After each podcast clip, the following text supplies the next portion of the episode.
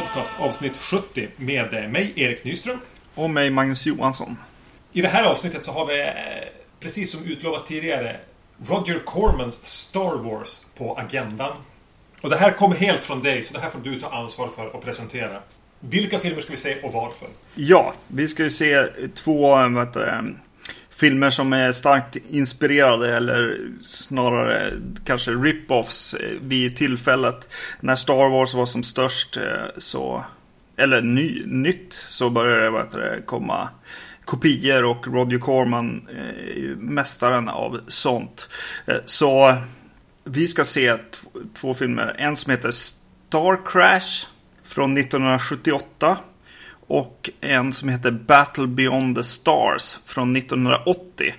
Mm. Och eh, anledningen till det här är eh, en gammal kollega till mig som eh, började skriva att eh, och rekommendera Star Crash. Hon heter Tove Lindholm som hade sett den här och tyckte att den var väldigt spännande visuellt och och lite urflippad. Eh, vilket eh, fick mig intresserad för vi hade vid tillfället ganska nyligen eh, sett den japanska Hausu som jag blev ganska, ja men tyckte var otroligt bra. Vi gillade så, den ganska mycket båda två. Precis, så jag vet det, fick ihop de här filmerna på något vis och ville se den här filmen som Tove rekommenderade. Och då kom jag att tänka på en annan film som också Roger Corman har producerat eh, eller släppt. Som heter Battle Beyond the Stars.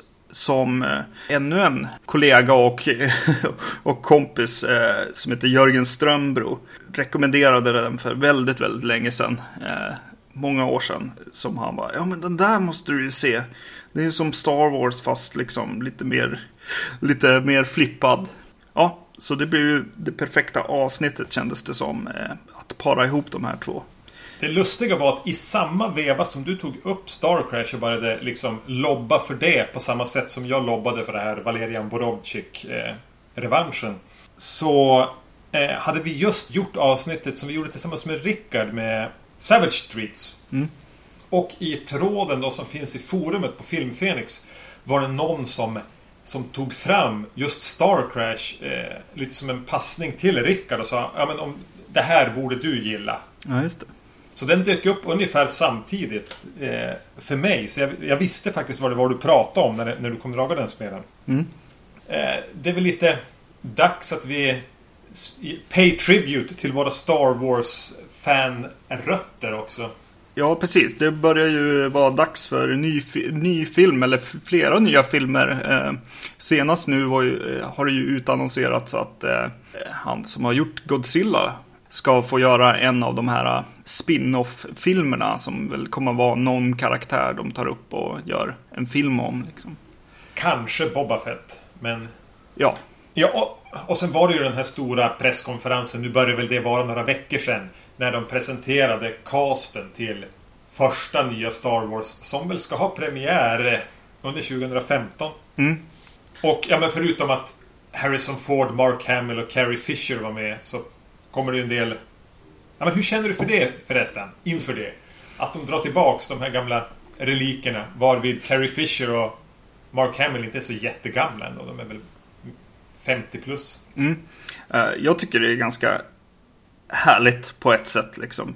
Eh, jag, var, jag var ganska skeptisk här, eh, från början till det här. Jag, jag kände bara, ja men åh, dra fram de här liksom. Men när jag har börjat tänka på det mer och mer. Och just när casten utannonserades och det började komma bilder. Liksom, eh, så tycker jag att det vore väldigt, väldigt skönt om de får göra någonting i filmen. Så att de inte bara så här kommer att stå i robes i, i någon sal och liksom. Ja, jag vet inte. Eh, jag, jag, jag, jag hoppas att de får göra någonting. Känner du att eh, Mark Hamills insats i Bodybags gjorde att du blev stärkt i den övertygelsen. Om att du vill se han göra någonting. Ja. Jo, men det vore väl kul att se honom och Carrie Fisher få, få, få vara med också och göra. Ja, jag vet inte. Det känns som att eh, det är lite fräscht på ett sätt att ta med Ja. de här. Ganska modigt ändå. Jag menar Ja. med tanke på att Carrie Fisher och Mark Hamill verkligen har glidit in i obskuritet. Mm. Eh, så, så blir jag ändå lite orolig just vad det gäller Carrie Fisher när man vet hur dåligt Alltså hennes hälsa inte är speciellt god. Mm. Hon är, li, lider av en bipolär diagnos ganska svårt psykiskt sjuk och måste ju äta väldigt mycket medicin för att kunna fungera något sånär normalt och har ändå svårt att fungera normalt. Mm. Så jag blir lite orolig nu när de ska... Äh, Hon kan ju inte säga nej till det här heller. Nej. Och så ska hon säkert upp Ja men nu ska du droppa 25 kilo. Eh, du ska göra de här PR-turnéerna. Eh, du ska vara med i tre filmer. Det kommer att kräva det här av dig. Eh, du kommer att bli här, synad i sömmarna igen. Du som har hållit dig undan i typ 35 år. Eh, hur kommer det att påverka hon som person? Det, det, det var det första jag tänkte på när jag såg det där. Och sen är visst Harrison Ford med också. Och det... Ja men... Ja. Jag får en känsla av att de kommer typ låta Luke och Leia typ dö i början eller något sånt. Och så sen kommer de eh, dra omkring eh, Harrison Ford som, eh, som Han Solo i, i Mm. resten av filmen. Ja, jag vet inte. Vi, vi får väl se helt enkelt. Men eh, jag är lite, lite pepp ändå. Eh, och så, ja precis, men det finns ju inte, det är inte bara de som är med. Utan det kommer ju lite nya skådisar också. Av de jag minns som är de nya namnen nu som jag har sett eh, är ju Adam Driver från tv-serien Girls. Den jag minns och den jag har fastnat för. För jag gillar han både i den serien och i... Han är väl med i filmen Frances Ha. Han har något sånt här... eh, Nu får du ursäkta, det är en katt som går på, på toa i bakgrunden. eh, ja, han känns lite grann som en, en mänsklig... Eh, Janne Långben på ett sätt. Han har härlig komisk timing och har, lite, har en karisma och en egen känsla på, på film. Så jag, det ska bli spännande att se hur de har tänkt använda han. Ja, eh, det, ryktet om honom är väl att han skulle vara någon slags skurk i, i, i den här filmen. Ja, det hade jag missat. Han ska vara skurk alltså? Ja, eh, det är ryktet i alla fall. Jag vet inte, vi får se. Eh, Mm. Och så är det ju, Så- eh, och så är det ju Ja. han som, jag, som jag såg senast i, vad heter han, Inside Llewyn Davis. Heter han så? Ja, just, jag har inte sett den än. Nej, Men jag vet, han spelar väl Jason Isaac, heter han inte så? jo det gör han kanske. Ja. Mm. Han är med, jo det stämmer. Eh, och, och han gillar jag verkligen i den, i den filmen. Och eh, han känns som han kommer, kommer att ha en bra, ett bra casting. Är han mer en eh, good guy då? Ja, det lär han väl vara eller någon slip, typ variant på Hans Solo eller något sånt där kanske. Ja. Eh, men du är ändå lite pepp på, på nya Star Wars-filmen? Ja, jag tycker ju att vet JJ of Abrams ofta har liksom eh, någon slags känsla för vad folk gillar och kan dra med sig ganska stor, eller bred publik på något sätt. Han kan, han kan göra någonting som tilltalar liksom barnen, de vuxna och eh, liksom eh, kanske ingrottade nördarna samtidigt som han liksom är, är bred liksom. Date movie liksom grejen också. Star Trek tyckte jag eh, funkade väldigt bra på det sättet att göra, göra en Star Wars-film av Star Trek på ett sätt. Han har ju på något sätt här, Han är väl den ultimata idépitcharen. Mm. Ja, Och han vet hur han ska sälja in grejer och han har en känsla, men som du säger, han har en känsla för vad folk vill ha just nu. Mm, precis. Eh, däremot, det är ju nu Disney som äger hela franchisen och jag har ju sett, jag gillar ju inte vad de har gjort med, alltså de äger ju Marvel nu och det är de som matar ut Marvel-filmer också. Mm. Och jag gillar inte den där formstöpta, eh, ganska personlighetsbefriade versionen av superhjältefilmer som de gör. Mm. Marvel, framförallt Marvel Studios. Eh, som ju, ja men som du säger, ägs av Disney ändå. Men eh, de lider väldigt mycket av, tror jag, av producent, liksom inblandning och sådär. Lite dumsnårhet liksom. Och eh, att de inte riktigt ger liksom, eh, de kreativa den, den kreativa liksom, utrymmet de kanske behöver. Det är väl det som gör att jag är ganska skeptisk till att inte i alla fall hoppa på något slags hype-tåg som man gjorde med Prometheus eller någonting och få alldeles för stora förväntningar. Nej. Då är jag hellre lite blasé som jag var nu inför en superhjältefilm Mm. i X-Men Days of Future Past. Om man vill höra mig prata om den så kan man lyssna på det 125 avsnittet av Titta de snackar. Där jag återigen eh, hoppar in och pratar om den. Eh, och den är jag väldigt positiv till. Mm. Eftersom det faktiskt är en film med personlighet. Till skillnad från de som har producerats av det här Disney-ägda Marvel-delen. Mm. Ja. Eh, som ofta leder upp till Avengers. Som är väldigt utan någon som helst identitet. Mm. Jo, precis. Jo, det känns som att de här tidigare grejerna som, som var, var Spiderman och X-Men, eh, att de, de lät eh, kreatörer kreera. mm. Mm. Men vi kanske ska släppa Star Wars, X-Men, eh, Marvel och JJ Abrams. Och innan vi kommer in på, på de filmer vi faktiskt ska prata om i det här avsnittet. Så vill jag bara eh, göra en liten parentes och flagga för ett nytt svenskt distributionsbolag som heter Last Exit Entertainment. Där, som jag har varit i kontakt med då, i och med min inblandning i eh, Filmfenix. Mm. Jag fick då se deras första släpp som heter Nails, som är en rysk film av en regissör som heter Andrei Istvanov. Som handlar om en man som eh, för att slippa undan eh, de hemska minnena av eh, alla personer han dödat i egenskap av lönnmördare börjar slå in spikar i huvudet på sig själv. 60 minuter audiovisuell galenskap som jag tyckte var rätt härlig att titta på. Lite det här gymnasie mediaprogrammet på gymnasiet. Men ändå med, med väldigt mycket kärlek. Och eh, framförallt skapar den en speciell känsla med ett så här överstiliserat framförallt ljudspår. Mm. Och eh, lyckligtvis väldigt lite dialog. Så blir det ändå ja, men en rätt härlig arthouse exploitation. Mm. Som jag tycker att man kan titta närmare på. Ja. Och det är framförallt ett, ett film, ett distributionsbolag håller lite utkik på efter. Mm. Ja, det är jättekul att det kommer fler och fler svenska genre films eh, s- släpp liksom. Ja, njuta av Studio S och dra det där lasset ensamma lite för länge. Mm. Ja, Ehm, det är skönt. Eh, Så och, det, för, ja, ja, det var lite roligt att du sa den här, vad det, gymnasie grejen. Jag kom direkt att tänka på den här, eh, vad heter franska, in, Inside. Som vi Mm. såg, där, där man fick lite sådana vibbar också. I alla fall jag fick det. Inside hade jag inte... Den har- film jag inte ägnat en tanke på väldigt många år. Nej. Men just den där amatör liksom, känslan eh, infann sig. Eller så här vi, vil, viljan på något vis. eh, Som, som inte riktigt var liksom färdig, färdig än. inte, hade inte gått eh, klart eh, skolan. Ja, men precis. Viljan men inte kunnandet. Nej, precis. Mm. Eh, Star Crash är inte fransk däremot. Den är italiensk. Ja. Eh, titeln till trots.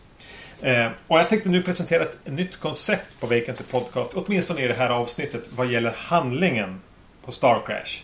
Jag tog nämligen den första synopsis jag hittade på IMDB och klistrade in den i Google Translate och översatte till svenska. Ja. Så Star Crash. Outlaw, smugglare, Stella Star och Acton lyckas plocka upp en skeppsbruten när du kör från myndigheterna som visar sig vara den enda överlevande från ett hemligt uppdrag att förstöra en mystisk supervapen designad av den onde greven Sart Arn.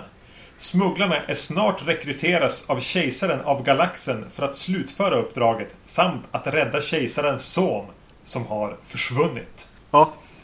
Känner du igen dig? Ja, ja, ja, jag gör ju det i alla fall. Med tanke på att det här är typ en italiensk översättning av eh, någon som såg Star Wars medan den rökte saker man inte ska röka. Så tycker jag det duger ganska bra. Ja, precis. Den kom alltså från 1978 i regi av Luigi Cozzi. Som innan den här filmen gjorde en Godzilla-film. Ja. Allting hänger ihop. Eh, som jag har förstått, jag har inte sett den Godzilla men som jag har förstått det så är det en blandning mellan egen, egenfilmat material, kolorerade delar av original Godzilla. Det brukar kallas för Kotzilla, eh, som en, en liten ordvits på hans namn. Mm. Men han är i alla fall en av de här italienska regissörerna som eh, ja, men egentligen i samma anda som Lucio Fulci som gjorde lite grann Där det fanns en spottstyver att tjäna på att göra en cover på någonting som var populärt i USA och sen försöka sälja in det. Mm. Han, han var eh, en av eh, Dario Argentos eh, liksom såna här gossar eller jag på att säga. Nej men eh, följeslagare eh, eh, som eh, fick vara liksom regiassistent och vad det, skriva eh, filmer tillsammans med, med Dario ett tag. Och eh, blev väl inte lika, jag vet inte, känd som Lamberto Bava och eh, Michel Suavi kanske. Men jag tänker då det här, eh, har du träffat Luigi Cozzi? Ja, just det. Nej. För har inte han regisserat Dario Argento-dokumentären som du är med i? Uh, jag tror inte han har gjort just den. Jag tror att det är den, den tidigare som han gjorde. Ah, han gjorde den som var från... Ja, ja mm, precis. Det stämmer. Uh, nej, så att det, det, har jag nog inte. Men man kan ju stöta på den här mannen om de fortfarande har sin butik tis, tillsammans. Han och Dario Argento eh, öppnade en butik som heter Profondo Rossi i Rom. Där han tydligen kan sitta ibland. Sägs det. Ja, ja. Men eh, nog om det. Vi kanske ska hoppa in i, i hans film här. Ja. Den startar ju naturligtvis i princip exakt som första Star Wars-filmen startar. Med ett rymdskepp som kommer åkande. En mini, ett miniatyrrymdskepp som kommer åkande genom, en, genom rymden. Ja, precis. Eh, ganska snygga miniatyrer. Det känns lite plastigare än Star Wars. Det känns lite mindre än det känns mer som miniatyrer än vad den här Star Destroyer som jagar rebellskeppet i första Star Wars-filmen gör. Mm. Eh, och eh, det är ju en mycket mer färgglad rymd också än Star Wars. Eh, stjär ja, stjärnorna har olika färger och, och lyser fint eh, i natten, eller jag på att säga, i rymden. Och eh, ja, man, man, ser direkt att det, det kommer vara lite mer inte, inte ta sig själv på samma allvar som Star Wars ändå på något sätt ändå gjorde. Nej, det är väldigt... Eh, det ser så mysigt ut. Mm. Själva rymden ser ut som ett ställe man skulle vilja bara promenera runt i. Mm. Och, så, och så en annan sak också som, som är med den här filmen när de väl börjar prata om saker och ting så, så håller de ju snacket på ett ganska eh, vardaglig nivå på något sätt. De, de orkar inte döpa liksom, saker till specifika grejer och sånt, utan det är, de är jagade av en eh, polisrobot. Mm. det, det, är ingen liksom, jag vet inte vad det skulle kunna vara. Stormtrooper eller något. Liksom. Det är inget, det är bara, bara liksom hämtat från New Yorks gator i princip. Jag eh, slog på. Det finns jag antar att du äger samma Blu-ray-utgåva av båda de här filmerna vi kommer att prata om. Ja, precis. Eh, det, är ganska mycket extra material på båda. Jag slog på en intervju med Luigi Cozzi ja. efter jag hade sett den. Men sen gjorde jag annat. Jag stökade undan lite grann och satte ju, gjorde annat. Men noterade i alla fall att han hade haft extremt kort tid på sig att skriva den här. Det var, det var typ fråga om nästan timmar. Mm. Eh, som beställningen att han skulle göra den tills att han skulle ha ett färdigt manus. Och det märks ju liksom att den känns lite grann som ett som ett synopsis snarare än som ett eh, som, en, som ett färdigt manus. Mm. Eh, eh, precis, i intervjun där eh, som jag också såg så, så lät det som att han, han hade fått i uppdrag att göra en film som var typ som Star Wars. Och han själv var väldigt intresserad av sci-fi. Eh, så han hade ju säkert, han hade ju andra projekt liksom på G. Men sen så bara, ja men du får göra din sci-fi film om du gör den som Star Wars. Och eh, det lät nästan som att han inte hade fått tag på liksom Star Wars. Hade, ja, det var den känslan jag fick. Han hade inte sett Star Wars, men han, han läste lite om det. Han hade, han hade typ hittat en kopia av eh, en bok som de hade släppt i, i innan filmen släpptes. Så var det. Mm. På, som var baserat på något tidigt liksom. Eh, outcast, eh, ja, precis. Utkast av, eh, av eh, George Lucas. nu, nu, nu vet jag inte hur mycket man kunde förstå av den där, min, min recitering av den här stolpiga Google Translate-översättningen. Men det är i princip några olika konstellationer av rymdhjältar som åker omkring mm. i rymden. Eh, handlingen är nästan svår att hänga med i eftersom den är så fruktansvärt basal. Alltså den, den är knappt... Den existerar knappt. Mm. Eh, och den har otroligt bråttom. Ja, Om man vill ha en positiv spin på det så säger man att det är ett högt tempo. ja. precis. Ja, men jag reagerade på det för eh, ja, den här Stella, Stella Star. Som väl kanske är huvudkaraktären. Ja. Vi väljer det. Blir tillfångatagen av den här rymdpolisen som jagar dem. Hon blir då arresterad, dömd, placerad på en fängelseplanet där de hamnar i en laserfight och lyckas vara på rymmen. Och jag tror inte det går mer än en, en minut mellan det att hon blir dömd tills det att hon är på rymmen. Nej. Nej. Det går ruskigt snabbt. Framförallt första, första halvan av filmen. Eh, och, och just det gör att man släpper liksom... Ja men vänta nu, det är inte meningen att jag ska bry mig om varför hon blir arresterad eller vad hon ska göra eller vem den här Akron är. Nej, precis. Det är inte poängen. Nej. Man bara hakar på istället. Nej, precis. Utan det är ju bara hennes, hennes gäng här som, som blir, som är hon och någon slags utomjording som ändå ser ut som en, en människa. Typ lite jedi-riddare. Som hon har med sig där. Akron. Ja, Ak- Akron heter han kanske. Jag läste, eh, jag har inte skrivit ner skådespelarens namn. Nej. Men han skulle ju tydligen vara en utomjording i tung makeup. Mm. Men han sa det finns inte en chans för de här pengarna ni erbjuder mig att jag sätter mig på med den där mängden makeup. Nej, just det. Nej, eh, och det syns ju i filmen också. Eh, Han är ju en riktig sån här... Han tycker han är, grymmast liksom. Eh, och eh, ja, nej. Det känns som han ser ner på alla han, han har i sin närhet.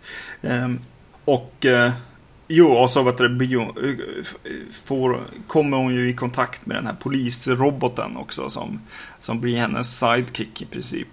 Som är en färg, färgstark eh, kille. Han, han ser ut som Darth Vader typ fast, fast är... Ingen mantel. Mm. Ja, precis. Fast är C3PO på ett sätt. Fast med en väldigt annorlunda dialekt och framtoning. Ja men tänk dig om eh, Darth Vader och 3PO fick barn som var typ en Southern Sheriff. Mm. Precis. Eh, ganska kul karaktär. Tyckte jag Mm. ändå. Varje gång han börjar prata, alltså långt in i filmen så bara ja, ja, det här är ju perfekt. Alltså, det är så konstigt. Och härligt på samma gång liksom. Eh, och eh, jo, och så ska de ju hjälpa en, vad heter det, en, eh, någon slags kung. Nej, vad är han? Emperor. Kejsare. Ja, precis. Kejsaren eh, spelad av Christopher Plummer. Plummer. Som skådespelar i den här filmen. Han skådespelar på ett väldigt lugnt sätt. Där han ser alla repliker ungefär på sättet jag pratar nu. Där han vill visa vilken värdig skådespelare han är. Till skillnad från alla de här britt... Eller då, alla de här tramsiga amerikanerna som är med. Så håller han den här tonen hela tiden. Han... Tydligen gjorde han väldigt få dagar på inspelningen. Mm.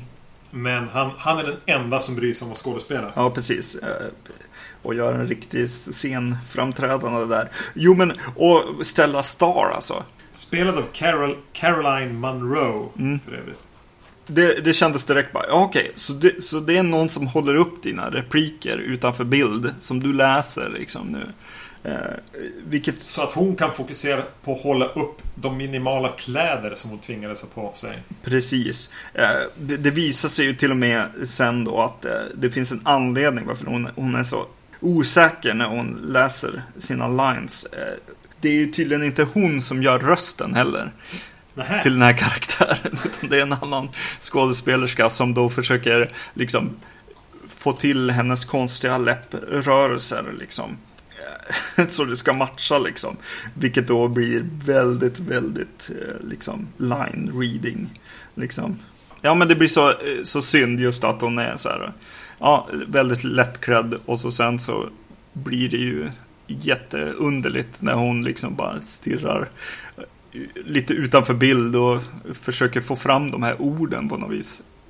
För jag, för jag tycker lite synd för, för den här Caroline Munro. Mm. Hon har på något vis utstrålningen och, eh, att, att vara Stella Star som känns som en... Skulle kunna vara en rymdhjälte men... Mm. Ja, det är någonting med, med Det är någonting som bara blir väldigt off. mm, när hon pratar framförallt. Ja. Sen när hon gör eh, action och liksom och så. Eh, så funkar hon ju väldigt bra. In i filmen som den här ondskefulla filmens Emperor Palpatine. Mm. Är ju då eh, en greve som heter Sart Arn. Som jag läste här Mm. i min Google Translate. Spelad av eh, Joe Maniac Spinell. Ja. Oj, vad roligt han hade när han spelade in den här. Ja, och vad roligt det är att se på honom. Alltså agera och liksom och hans Ja men bara, bara att han har den här stora capen och vad vad har han röda dräkten här och vad heter det, något, eh, något slags satanist-skägg på något vis. Och, och en jättehäftig frisyr som han har hittat på säkert. Eh, Och googly eye, alltså ögonen på väg ut Mm. ur rummen en, en otrolig behållning när han kommer in och, och i filmen tycker jag. Jag tycker han är, han är grym här. För det, för det filmen är. Han, han, han vet ju vad, vad filmen är. Likt jag tycker ändå hon Stella Star också har liksom glimten i ögat på något sätt. Vet, vad, vad det är för något. Vilket då också, ja men Christopher Plummers karaktär blir ju då också liksom del i det här i att så här, ja här kommer den här högtravande killen. Visst är han rolig på något sätt när han agerar. Eh, ja, och tittar upp liksom snett upp eh, när han eh, är allvarlig och, och vänder sig om vid rätt tillfällen. Och ja, det Ja, blir så bara roligt. Spinell har även en... Vid sitt första framträdande så skickar han... Kallar han på några... Det är någon slags robotar. Som han, som han, som är någon slags, han kallar dem för golems. Mm. Och då har han en replik som verkligen är... Där, den borde vara en så här inter, internet-meme. När han säger Come to me golems. Som verkligen är en showstopper. Mm.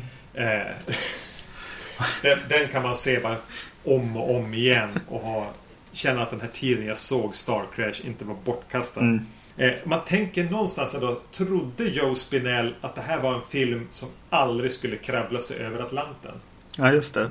Ja. För han hade ju ändå gjort Rocky vid det här tillfället och ändå Men han, tänkte han att han var home safe. Och sen kommer Roger Corman och köpte den här och lanserade den i USA. Ja. Jag tror att han bara hade väldigt, väldigt kul. Så, så, så visar det sig ju vara i, i eh, Maniac. Så vet du, var det ju massa folk som bara, ja men ska du inte komma och göra mer så här Rocky-filmer, någonting liksom seriöst? Och han bara, nej nej nej, de här, de här ungdomarna, de, de gör coola, roliga filmer liksom. Eh, och intressanta filmer liksom. Eh, jag, jag, jag ska vara med dem och göra, göra den här Maniac. Liksom. Och eh, det, det känns lite som hans sätt att vara. Att så här, ja, men det här är kul på något vis ändå. Ja, men han, Joe Spinell är ju absolut ingen dålig skådespelare. Nej. nej. Han hade ju kunnat bli en, jag menar, en Martin Scorsese-favorit. Sen dog han ju tyvärr i mitten av 80-talet. Han, jag tror han hade hjärtproblem. Mm. Eh, alldeles för ung. Även om han var över 50 så var han alldeles för ung när han dog. Ja. Men han hade ju, han är ju en otroligt duktig skådespelare. Mm. Jo, det är han verkligen. Men, men han har också, som du säger, han har väldigt roligt här. Ja. Men om vi då är inne på skådespelare. Just när man tror att man liksom har sett Joe Spinell med de här stora vida ögonen. Man har sett Christopher Plummer spela Shakespeare. Stella Star eller Car- Caroline Munro eh, läsa skyltar. Ja. Ja. Då dyker ju David Hasselhoff upp. Ja. och, och han, han är ju kul också. I intervjun så säger de så här bara, jo men vi ville göra en så här liten typ primadonna-prins på något sätt så här. Som inte riktigt har sett världen och, och är liksom, ja men historiens så kallade bimbo kanske. Ja. Eh, och eh, ja, nej, men det är kul när han, att han dyker upp där och eh, Först har han mask på sig. Så man, det dyker bara upp en man i mask. mm, och sen tar han av sig den. Mm. Och vi får en väldigt tvålfager och ung David Hasselhoff. ja, Om man inte trodde att liksom kitsch och campy-nivån kunde bli högre. Precis. Nej. Cranked it up to 11. Mm. Absolut. Uh, ja, men det är kul. Uh, och precis, just när han dyker upp också så är det en konstig grej som händer. Jag såg den här uh, filmen med min fru och hon tyckte hela tiden bara, ja men, ah, vad hon är lättklädd mest hela tiden. Att det var väldigt mm. mycket ob objektifiering, vilket det ju är. Eh, I den här filmen av, av den här Stella Star. Eh, lite så här, ja vad heter hon? Nu försvann det. Barbarella? Barbarella, ja. Precis. Fast tänk liksom Eurosleaze liksom. Så att det ska vara lite, lite mindre kläder. Eh, I princip. Och... Eh, men... Tydligen så hade det börjat hända grejer med filmen när, när det här kom in. Folk, folk började väl bli lite oroliga för rating och annat. Att så ja men vi kommer bli stoppade i Amerika om vi inte liksom klär på henne lite kläder liksom. Så från tillfället som hon träffar David Hasselhoff som på ett sätt kanske är någon slags kärleksintresse för henne så börjar hon ha kläder på sig. Mm. Och, och, min, eh, min fru bara, jaha okej. Okay. Så direkt hon blir, eh, tillhör någon. så, så blir hon inte tillgänglig för andra män att titta på. Och hon eh, har massa kläder på sig blev analyser. Vilket var lite kul. Och bara, ja, när jag väl tittar på det så bara, ja, ja, det är ju lite konstigt det här. Och så sen när man såg den här intervjun efter filmen så bara, nej, då, det var vid det tillfället som folk började så här komma in och, och, och säga åt eh, Luigi eh, Cossi här att här, nej men du, så här, så här mycket, så här lite. Så här lite kläder är inte accepterbart i USA. Det vill att inte kunna sälja in den här filmen. Nej, precis. Så hon fick mer kläder mot slutet. Ja. Mm. Det dyker även upp rymdamazoner. Mm, just det. Space Amazons. Mm. Det där är ju en riktig sån italiensk liksom grej. Eller euro-grej på något sätt. Att det kommer in liksom grottmänniskor och amazoner och eh, liksom sådana grejer. Det, det, är inget man riktigt ser i, i amerikansk film tycker jag. Eller? Nej, det kan väl stämma. De kör lite mer så här. De, de, det här eh, svärd och sandaler filmer referenser hellre. Precis, ja. För de, när de jobbade så här stenhårt i genre, genre, genre, genre filmer. Mm. Så gjorde de ju då men Giallos, eh, sedermera zombiefilmer. De gjorde kannibalfilmer, de gjorde spagettivästern eller så gjorde... Och, och, då blev det till slut så att ja, men, vi har en massa såna här dräkter från den här svärd och sandaler-genren, mm. filmen som bara ligger, som vi har tillgång till. Kan vi inte bara klä upp de här fotomodellerna som står här och knackar och vill ha jobb mm. i dem och, och klämma in det i den här film, äventyrsfilmen. Ja. Rymdäventyrsfilmen. Så jag tänker att det handlar ganska mycket om tillfälle. Ja, eh, och vad de hade liggande mm. i närheten. Deras post, postapokalyptiska filmer är ju också, brukar också kunna eh, dyka upp sådana här. Amazoner. Amazoner i till exempel, ja. ja. Eh, men det jag märkte var alltså, att den här Luigi, och det, Luigi Cossi, det säger han i den här dokumentären. Jag uppfattade ett fragment av den. Att han var ett stort fan av Ray Harryhausen. Mm. Eh, har du sett Jason and the Argonauts? Nej, jag har aldrig sett den. Jag har bara sett klipp och, och scener och, från dem. Det var här, en av de här filmerna jag eh, växte upp med lite grann. Såg då och då. Mm. Och det är ju två så här, tydliga referenser till den. Mm. Och dels de här Come to me Golems som Joe Spinell ropar på. Mm. Påminner ganska mycket om eh, de välkända stop motion skeletten från Jason and the Argonauts. Mm. Men framförallt så är det, det är en, en jätte som, som jagar dem vid ett tillfälle. Typ en stor staty som får liv. Mm. Som ju är rakt hämtad från, från Jason and the Argonauts. Mm. Så det är ändå man märker att Kotze har inte gått in i den här bara som en... Han, han har någonting med sig hit. Ja. Han har någonting han gillar, han har en historia. Ja, precis. Och om vi ändå pratar om Kotze så tycker jag ändå man märker att Säga vad man vill om hans förmåga att skriva den här filmen eller förmedla en historia. Men han är ingen dumskalle visuellt. Eh, klipp, alltså vad gäller att fota eller klippa en film. Nej. För den ser ju Okej, den ser kitschig ut. Ja. Men den är ju Den sitter ju ihop snyggt.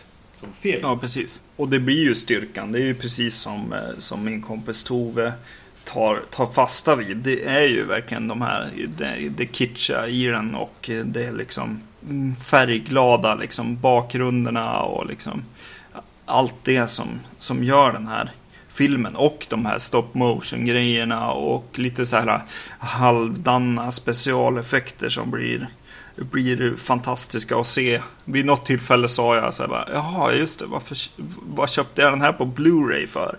För det är ju massa så här, de projicerar liksom filmen om igen på bakgrunder och det, det är ganska ganska dåliga specialeffekter.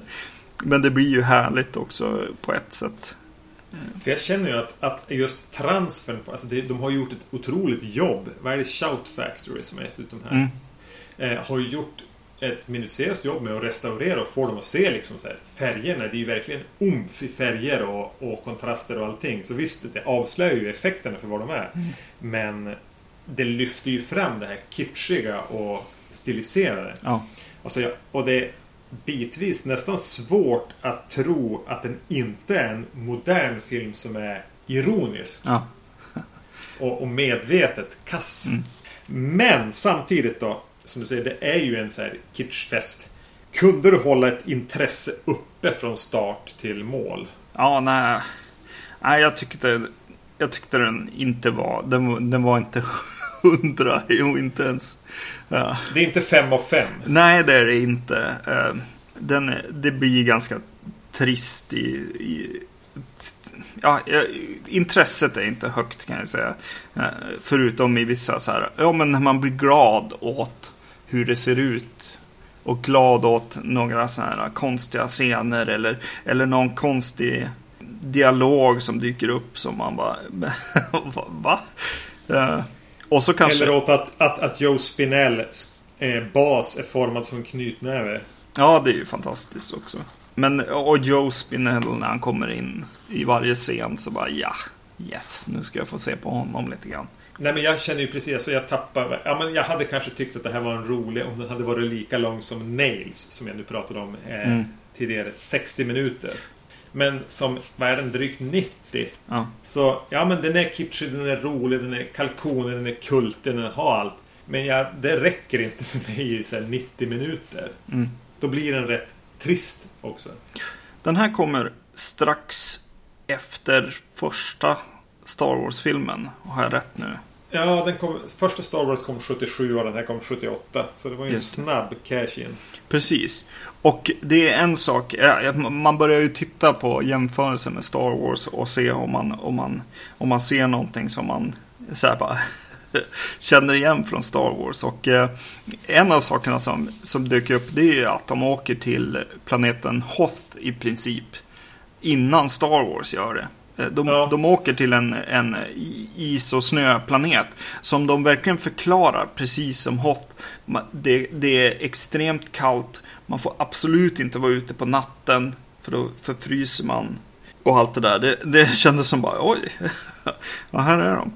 Och, och det, det kommer någon, någon liten strid också som känns så här. Ja men de här grottmänniskorna får mig att tänka lite på evokerna också. Man undrar ju om George Lucas såg den här innan han, alltså under tiden han gjorde åtminstone de två andra Star Wars-filmerna. Mm.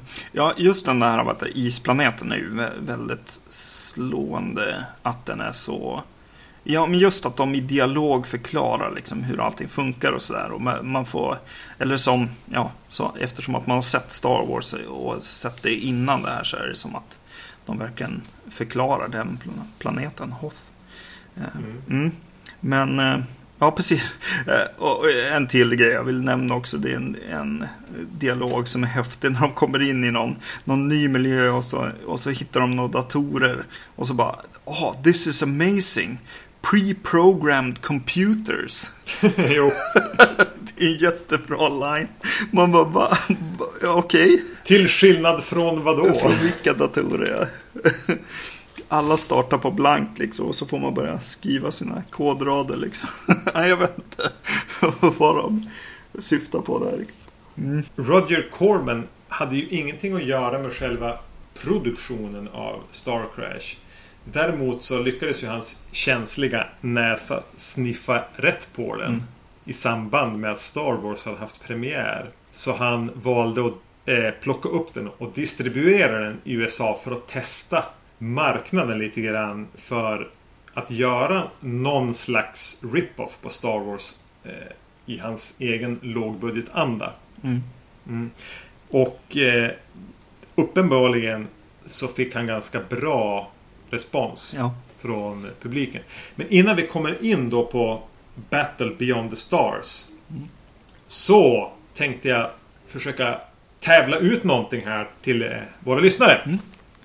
Och det är första säsongen av en TV-serien Under the Dome på Blu-ray. Under the Dome är baserad på en eh, roman av Stephen King eh, som har omarbetats ganska kraftigt för att bli en potentiell långkörare. En serie som har tagit sig ganska stora friheter med, med, med, med, romanen men utgår från samma koncept. En liten småstad i USA som helt plötsligt av oförklarlig anledning finner sig inkapslad i en genomskinlig kupol.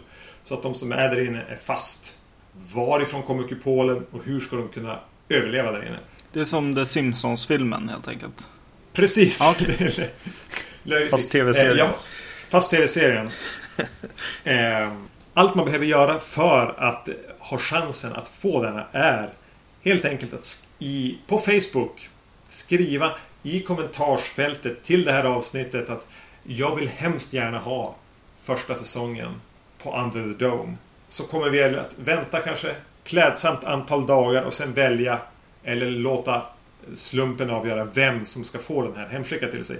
Använder man inte Facebook går det naturligtvis även bra att mejla oss på podcast.vacancy.se och säga Snälla skicka Underdome säsong 1 till mig. Det kommer en andra säsong eh, ha premiär på nu i sommar. Mm. Nu kan vi ta itu med Battle Beyond the Stars från 1980. Mm, vad säger Google Translate om den då? Chad, en ung jordbrukare, monterar ett band av diverse legosoldater i yttre rymden för att försvara sin fredliga planet från den onda tyrannen Sador och hans armada av angriparna. Bland de legosoldater är Space Cowboy, en space-going lastbilschaufför från jorden. Gelt, en förmögen men erfaren mördare, söker en plats att gömma sig. Och Saint Exmin, en valkyriekrigare som vill bevisa sig själv i strid. Ja, perfekt. mm, med andra ord Sju samurajer i rymden. Precis. Eh, från 1980 i regi av Jimmy Turakami. Eh, enligt IMDB har även Roger Corman varit inne och regisserat här. Mm. Eh, Jimmy Turakami dog tidigare i år faktiskt. Mm. Eh, och när jag tittade igenom hans IMDB-resumé såg jag att han har regisserat en animerad film som heter When the Wind Blows. Ja. Som är baserat på en serietidning som jag läste för säkert eh, min kompis Niklas hade en samlade var ganska tidig i det här med att samla på sig serietidningar som inte var Marvel. Mm. Utan typ Sandman och Galago-serier och Watchmen och sånt där. Mm. Eh, och stack åt med den här som heter When the Wind Blows som är handlar om ett äldre par som eh, drabbas av radioaktiv strålning och försöker med hjälp av såna här 50-tals Duck and Cover manualer överleva det som händer efter att en atombomb har fallit. En oerhört sorglig men bra serie. Den har väldigt höga betyg på IMDB. Jag, vet, jag visste inte om att den var filmatiserad. Var det någonting du kände till? Nej, nej det visste jag inte. Jag blev ruskigt sugen på serien för serietidningen var riktigt bra. Mm. Nåväl. Ja. Storyn, eller manuset, kommer då från John Sayles. Som ju har en ganska gedigen karriär eh, av att både skriva manus och regissera. För mig är John Sayles synonymt med Lone Star som kom i sent 90-tal. Som var en, med Chris Christopherson. En, ett drama med en mordintrig någonstans begraven djupt i bakgrunden. Mm. En otrolig, en skicklig manusförfattare i alla fall. Men han, Even giants started small. Ja. Nej men precis, den här är ju eh, igångsatt av Roddy Corman och eh, den här regibiten tror jag eh, som jag har förstått det, alltså hans uncredited regi eh, är tydligen eh, var tydligen mycket köra igång projektet och eh, få det att börja rulla. Han eh, gjorde mång, många av scenerna i, i, i början av shooten och sen, sen försvann han lite och eh, kom tillbaks mer eh, då pengar började användas för friskt. Ehm, och eh, Roddy Corman hade ju, han ville ju göra någonting som bara, ja men det ska vara som Star Wars. Och han tyckte väl att Sju samurajerna i rymden var liksom en bra startpunkt. De hade ju redan gjort den i vilda västern med The Magnificent Seven. Så varför inte ta den ut i rymden? Med tanke på att Star Wars brukar jämföras med en annan Akira Kurosawa-film, nämligen Hidden Fortress. Mm. Ja, precis. Och den börjar ju förvirrande likt Star Crash och Star Wars. Ja. Nästan ännu mer likt Star Wars. Eh, med den här rym jättestora rymdskeppet som passerar över mm. kameran. Men, ja precis. Och innan det är det ju också. Eller om det är innan. Men det, det kommer, det, det åker lite stjärnor liksom mot, mot oss i publiken. Och eh, texten dyker upp. Battle beyond mm. the stars. Eh, det tyckte jag var riktigt mysig början.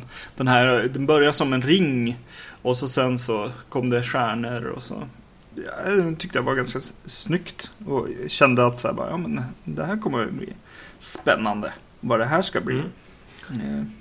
Precis. Och så börjar den och hoppar in jätte, jättesnabbt till liksom punchlinen. Vad ska den här handla om? Eh, vi, vi är liksom på den här planeten som heter Akira just. Där eh, en ond kejsare, nej en ond erövrare ska vi väl säga.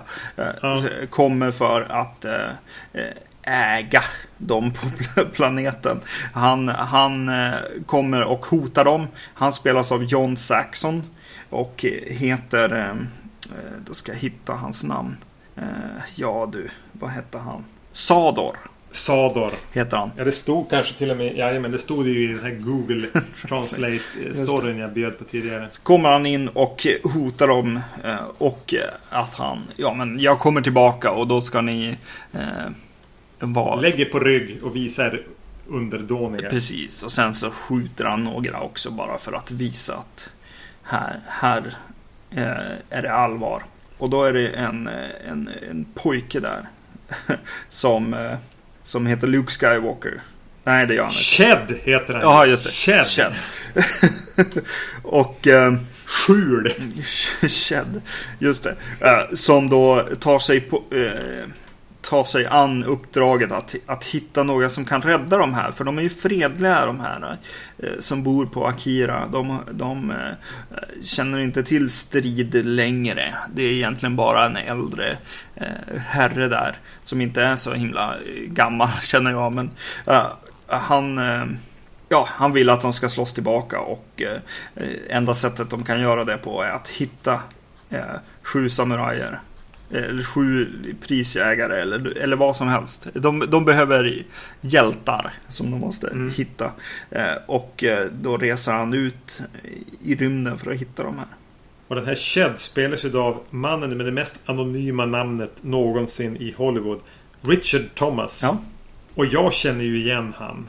Eller för mig är ju ja. han den vuxne Bill i filmatiseringen av Stephen Kings Det. Just det. Eh, han har ett födelsemärke på kinden i alla fall. Just. Eh, men jag måste ändå säga så här.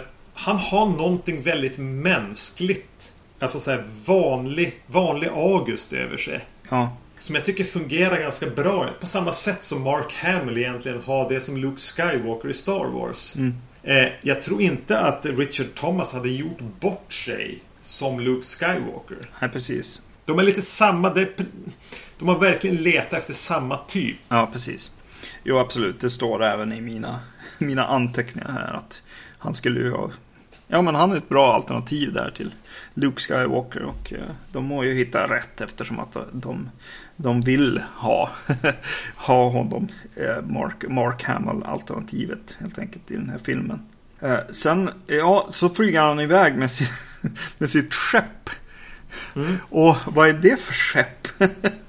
ja, den... jag tänkte ett tag att David Cronenberg hade varit med och designade. Ja. Det är väl lite som en rund så här, grillad köttfärgad X-vinge. Precis. Som även ser lite grann ut som en hammarhaj. Mm. Ja, precis. Och lite som en svinksen typ så här. Uh, och så har den kanske bröst eller kanske en pung. ja, den ser lite snuskig ut ja, precis. i alla fall. Det är som ett snuskigt skepp. Det var därför jag tänkte på Cronenberg. Ja, rakt framifrån började jag tänka på sådana här skisser av äggstockar och sånt. Mm. från, från skolan. Men uh, Sen... Eh, ja. Han har även en dryg skeppsdator i den där som... En kvinnlig röst som... Det är tydligen... Är lite, nästan lite elak med han. Ja. Jo, absolut. Ja, men det är ju lite roligt. Ja, det är tydligen eh, James Cameron som har gjort det där skeppet. Eller konstruerat det i alla fall. Inte David Cronenberg alltså. Nej, precis. James Cameron.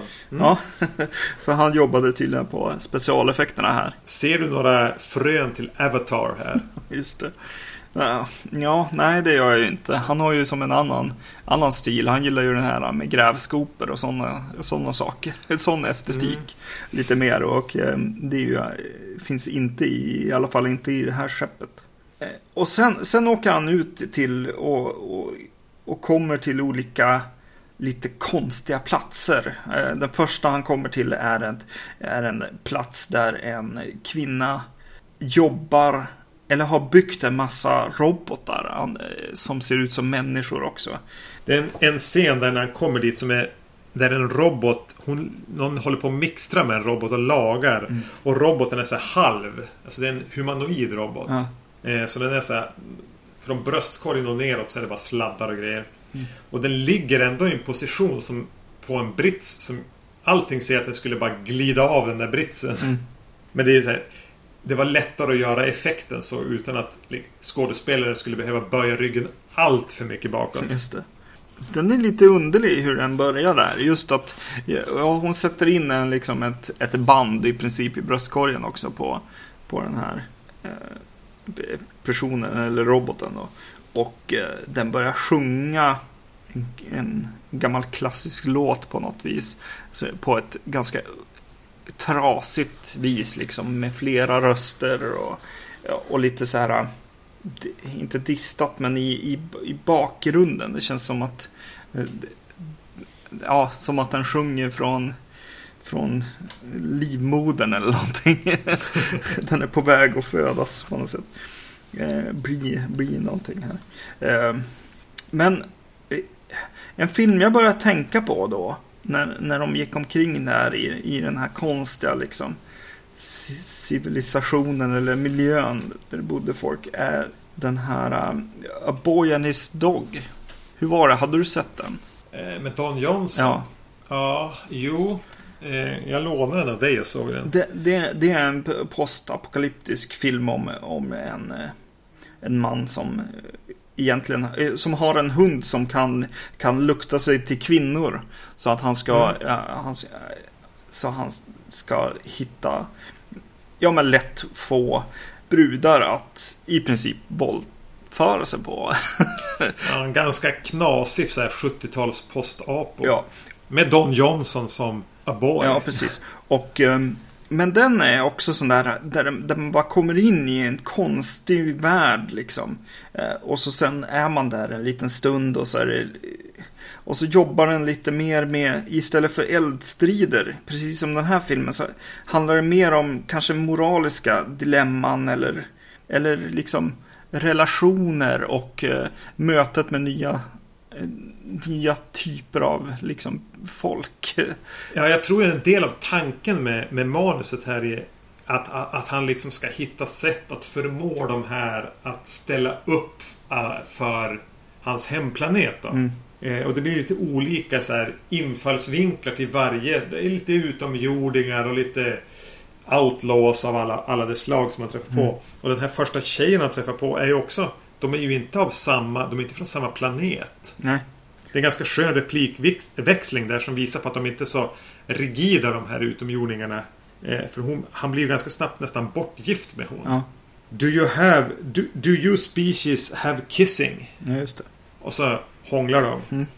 Lite skönt så här i en tid när, nu när SD plockar mandat överallt. Mm. Att, att eh, det, I Battle Beyond the Stars så bryr de sig inte ens om de är av samma art. Nej, precis. Nej, Vi kör. ja liksom. precis. Vi har ett gemensam, en gemensam mål här. Ja. Vi ställer upp för varandra. Ja, men den är ju så, den här filmen. Den är ju fri, frisläppt och eh, ganska så här eh, lättsam och eh, liksom eh, har inga problem med drogreferenser och, och sex och liksom naket. Ja, men den är ju både det, men den är ju även, om man, om man nu ska jämföra med Star Crash, så är ju eh, det här en mycket ambitiösare film. Ja, I och med att de, de har faktiskt skrivit manus och sen till och med läst igenom det och skrivit om det en vända. mm, Det finns mycket mer ambitioner här. ja precis. På gott och ont skulle jag säga. Men vi kan återkomma till, till det. Mm. Just att han, att det blir just lite så här moraliska grejer och, och, och sånt är lite uppfriskande från kanske Star Wars på vissa fronter. Till exempel så får han väldigt stora liksom problem med att han kanske kommer att måste strida och kanske måste döda någon som, Mm. som flyger i de här andra rymdskeppen liksom. Och, och han har ganska stora problem med det. Eh, Någonting som Luke Skywalker aldrig riktigt får ha. Känns det som. Han kommer över, I sådana fall kommer han över dem väldigt, väldigt snabbt. Ja, precis. Eh, Det hade varit en ganska spännande scen att se i Star Wars. Kan jag tycka. Att så här, När Hans Solo måste hetsa Luke Skywalker och faktiskt döda en annan Ja, människa. precis. Och att, att, att ändå Luke Skywalker, Skywalker drivs ju av någon slags hämndbegär där och att, att helt plötsligt liksom inse vad den, den, den det gör liksom vore intressant. Eh, någonting jag alltid kommer tillbaka till med hämndfilm just att eh, ja, vad är priset av det här på något sätt. Eh, och det, det tycker jag är spännande här. Han måste, han måste döda för att rädda sin planet här och Eh, Han vill verkligen inte det och, och eh, skippar att göra det vid något tillfälle också tidigt. Ja, det, det, det tyckte jag om. Den, den tyckte jag Mm. väldigt, bra eh, att ha med i den här filmen. Sen samlar han ju då ihop ett gäng lite, lite av varje eh, folk från rymden här. Mm. Bland annat då den här Cowboy. Som spelas av George Peppard. Mm. Som ju är, då är för mig mest känd från A-Team. Just det. Som, som, som ledaren för A-Team. Mm. Han lyckas även hitta Robert Vaughn. Mm.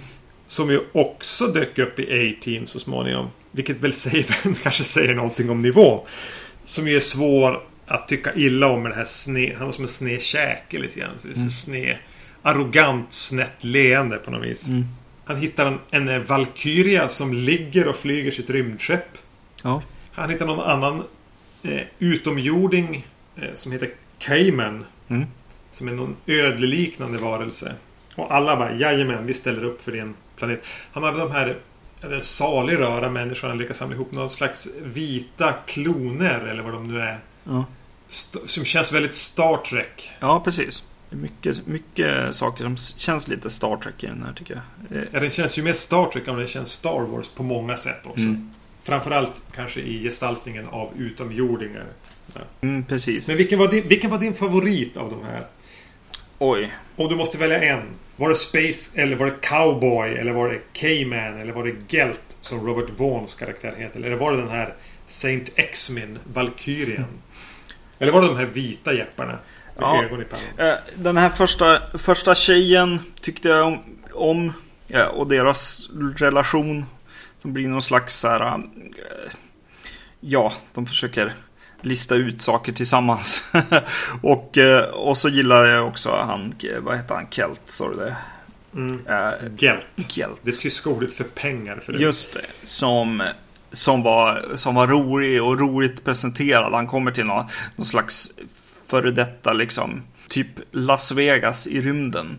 Ja. Kändes det som. Och där man kunde så här, köpa droger i automater och, eh, och även eh, liksom eh, prostituerade va?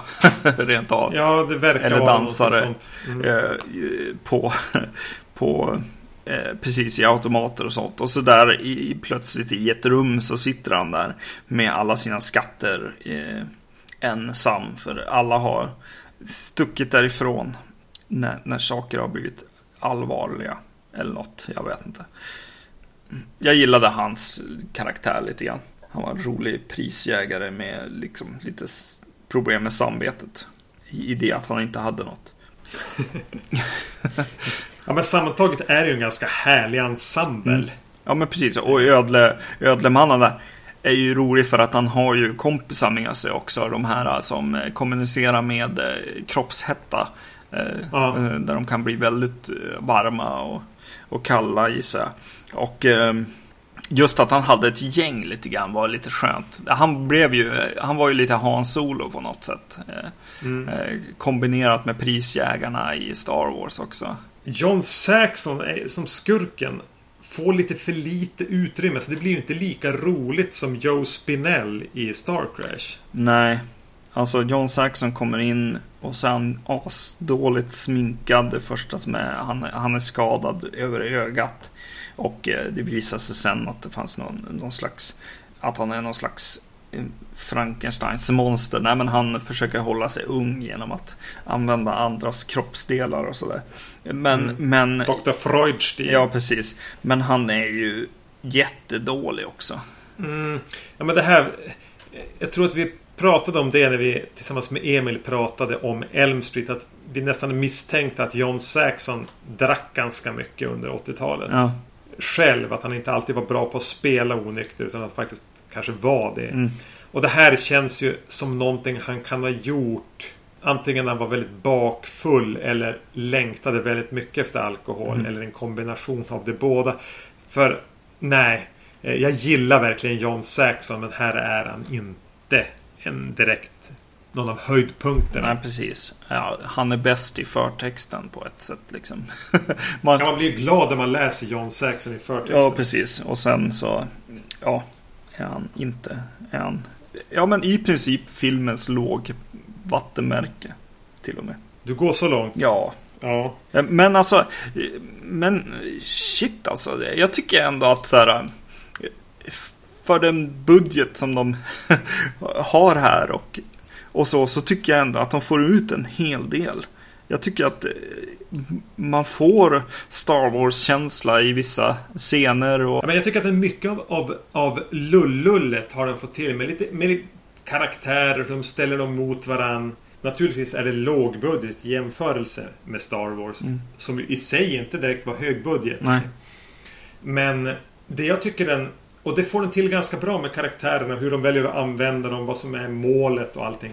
Att alla actionsekvenser är oerhört trista. Mm. Det blir ganska mycket rök. Eh, det blir ganska rörigt. Det blir ganska trist. Ja. När det ska börja hända lite för mycket.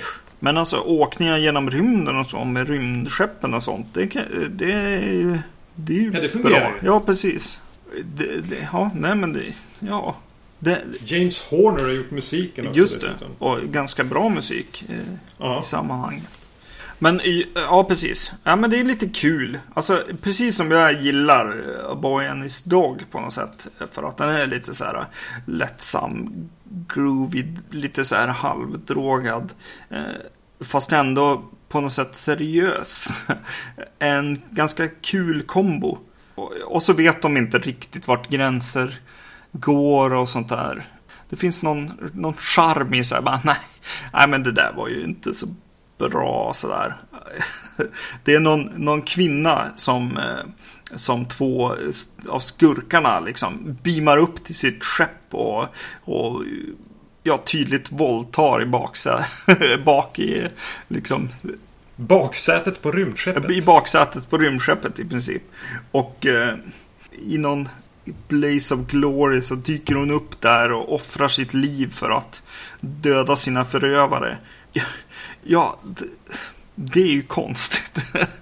Mm. För, de, för de, det är bara det liksom. De, tar, de sätter ingen liksom de tar inte någon annanstans. De bara släpper det liksom. Så bara, ja, ah, det här är en sak som hände liksom.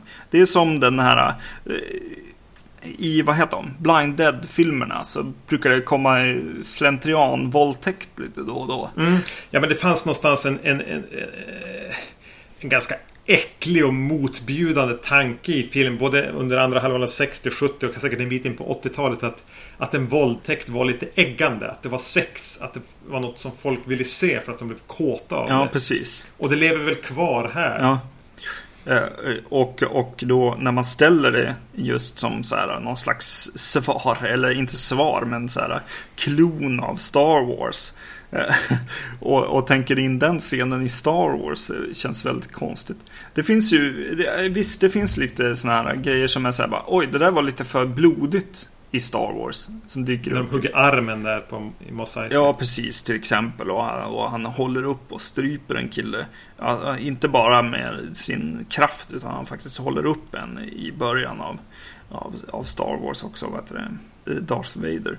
Eh, är ju också så här bara, ja men oj, det där är lite för mycket för barn liksom. Men, men de är ändå där och det, och det, det känns lite som samma, samma sak. De, de, de vet inte bättre på något sätt. Det bara dyker upp här liksom. Ja, men när, inte, när det inte är allt för mycket stora pengar inblandat så blir det ju lite knäppare. Då mm. försvinner mm. lite gränser. Man är inte lika medveten om vad en testpublik skulle tycka. Och då kan det bli lite så här. Ja. Lite skevt på ett ganska behagligt sätt. Ja. Men, ja, precis. Och, och, att han står där och när, när han kommer till den här drogautomaten och så ja, kommer det ut lite droger och så bara, ja men jag äter den här, eller jag tar det här och så bara, ja nej jag ska nog inte det. Så här. Det är någon slags referens till filmskaparnas liv på något vis känns det som. Att så bara, jo men de skulle nog inte ha hejdat sig. Eh, om de var i den situationen på något sätt. Vilken av eh, Star Crash och Battle Beyond the Stars kommer du att se om förr? Uh, ja, men det kommer ju vara Battle Beyond the Stars uh, som är en bättre film. Uh, Star Crash är lite häftig just visuellt och så. Alltså om, om, om jag, det kommer över någon och bara Hej, vill du se något sjukt? Då kanske vi ser Star Crash ja. typ en halvtimme. och sen ser vi den riktiga filmen vi ska se under kvällen kanske. Eh, medans eh, Battle Beyond the Stars kan man ju typ se. Mm. Jag är glad att jag slipper sätta ett betyg på någon av de här två filmerna. Kanske framförallt Star Crash. För den är ju så här antingen ett minus eller fem av fem. Ja. Och, och, Battle Beyond the Stars handlar också lite grann så här. Det är svårt att säga. Den är ju på ett sätt tråkigare men på ett sätt bättre. Ja, precis. Precis. Och någonstans utan att och ingen av de här filmerna är jag speciellt golvad av. Nej, nej. Och någonstans där vill jag väl lämna mina omdömen om dem. Mm. Men det kändes väl som att det var dags att vi tog Vacancy Podcast ut i rymden lite grann. Ja, precis. Absolut. Och att vi återstiftade åtminstone någon slags bekantskap med Roger Corman. Där vi fortfarande ett och ett halvt år senare inte har pratat om någon film som han faktiskt har regisserat. Trots att vi utlovade det i avsnittet där vi såg dokumentären som jag fick av dig i julklapp då 2012. Mm. Men vi, det står kvar på vår lista, vi kan väl säga så. Vi är ju ett steg närmare. Ja. Förr eller senare ja.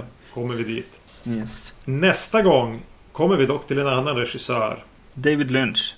Det är dags igen. Det är dags igen, precis. Vi har eh, tappat lite tempo där. Eh, vi kan väl berätta lite grann hur det ligger till. Vi, var, vi har valt att försöka vänta på, på att Twin Peaks skulle komma på Blu-ray. Mm. Och nu har vi fått ett datum men vi känner att det ligger lite långt bort. Så vi kommer inte att göra Firewalk With Me den här gången. Utan nästa gång blir det istället Blue Velvet och Lost Highway. Mm. Så om man vill ha sett dem innan man lyssnar på oss prata om dem med förmodligen en hel del spoilers så kan det vara dags att ta itu med det nu. Ja. Och eh, medan ni gör det, som sagt, vacancy.se vi finns på iTunes, vi finns på filmfenix.se. Vill man mejla oss kan man göra det på podcast.vacancy.se eller skriva till oss på Facebook. Mm. Framförallt om man vill då är intresserad av Under the Dome första säsongen på Blu-ray. Ja, ha det bra till dess. Hej då. Mm. Hej då.